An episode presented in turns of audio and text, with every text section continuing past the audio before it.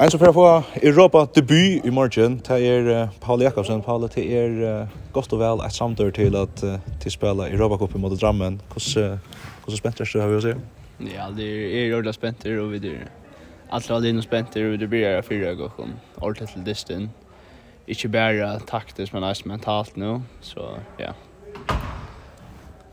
Du um, er smalmaver, du får stand over for drammen som skiljer da klarer seg øyla vel og øyla styrker. Hvordan er du klar på at det er skjuttan som kommer i morgen? Eh, vi tar alle, vi, jeg vet ikke om jeg sier mamma står med noen. Vi er malmenn, det malmenner sammen med sånn Jens, har fyra gong vel på skjuttan her. Og negget video, så vi er så klare som vi kunne være. Det er ikke noe bench for? Nei, det er det ikke. Er det nemmer? Nei, det er det ikke, men vi er ikke så klare som vi kunne være. Hva vant du til det som morgen?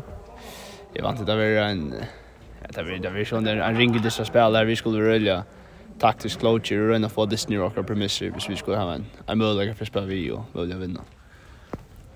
Disney Rocker permission kan du gräma för hur hur ska man ta emot en så stark som det ja det jag vet inte vi skulle röna att att ta rulliga störst ta där ta Disney Home tempo och renna ner kontra rulliga shot ner ner ner i banan.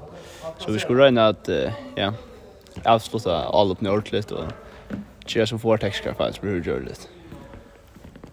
Paul, du har väl uh, håast, jeg har ikke så nekvar distri vaksna man håndbolt i av, oss røyndir og eisen i alt sjåa, hva skjønner dette her, og ganska skala i mund hva du frontar av Tarmosen to hur røynt? Jeg tykker at det er et av besta livet som jeg har spalt mot måter. Jeg har spalt omkring distri besta i Danmark, så det heter jag tror det som alltså ja, det är det bästa lis mer norra och när vi går lägger, när vi unche går lägger som vi är fram så ja, jag tror de hästar och distans med spel. Vi var uh, next år spänta så att det hemmarsmannen och vi tar kanske inte så next som vi kunde huxa och hur ser hur hur hur ser du klar nu?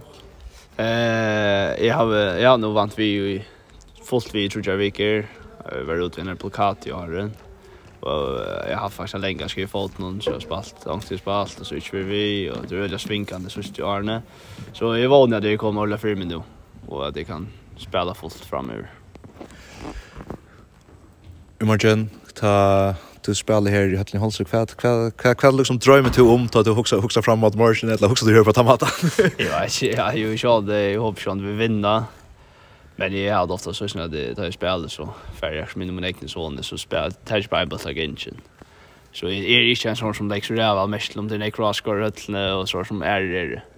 Men det blir ju jag hoppas det en god stämning i öllne. Vad typ du? Vad var du? Nej, jag vet inte. Det är shit jag men då. Men det gick på hvis vi får det snakka premisser så kunde vi göra vår problem vinna. Fantastiskt att glädje vi dock när så jag det ta gånger tusta för prad. Gå ett med Paul Jakobsen. Kjalldag.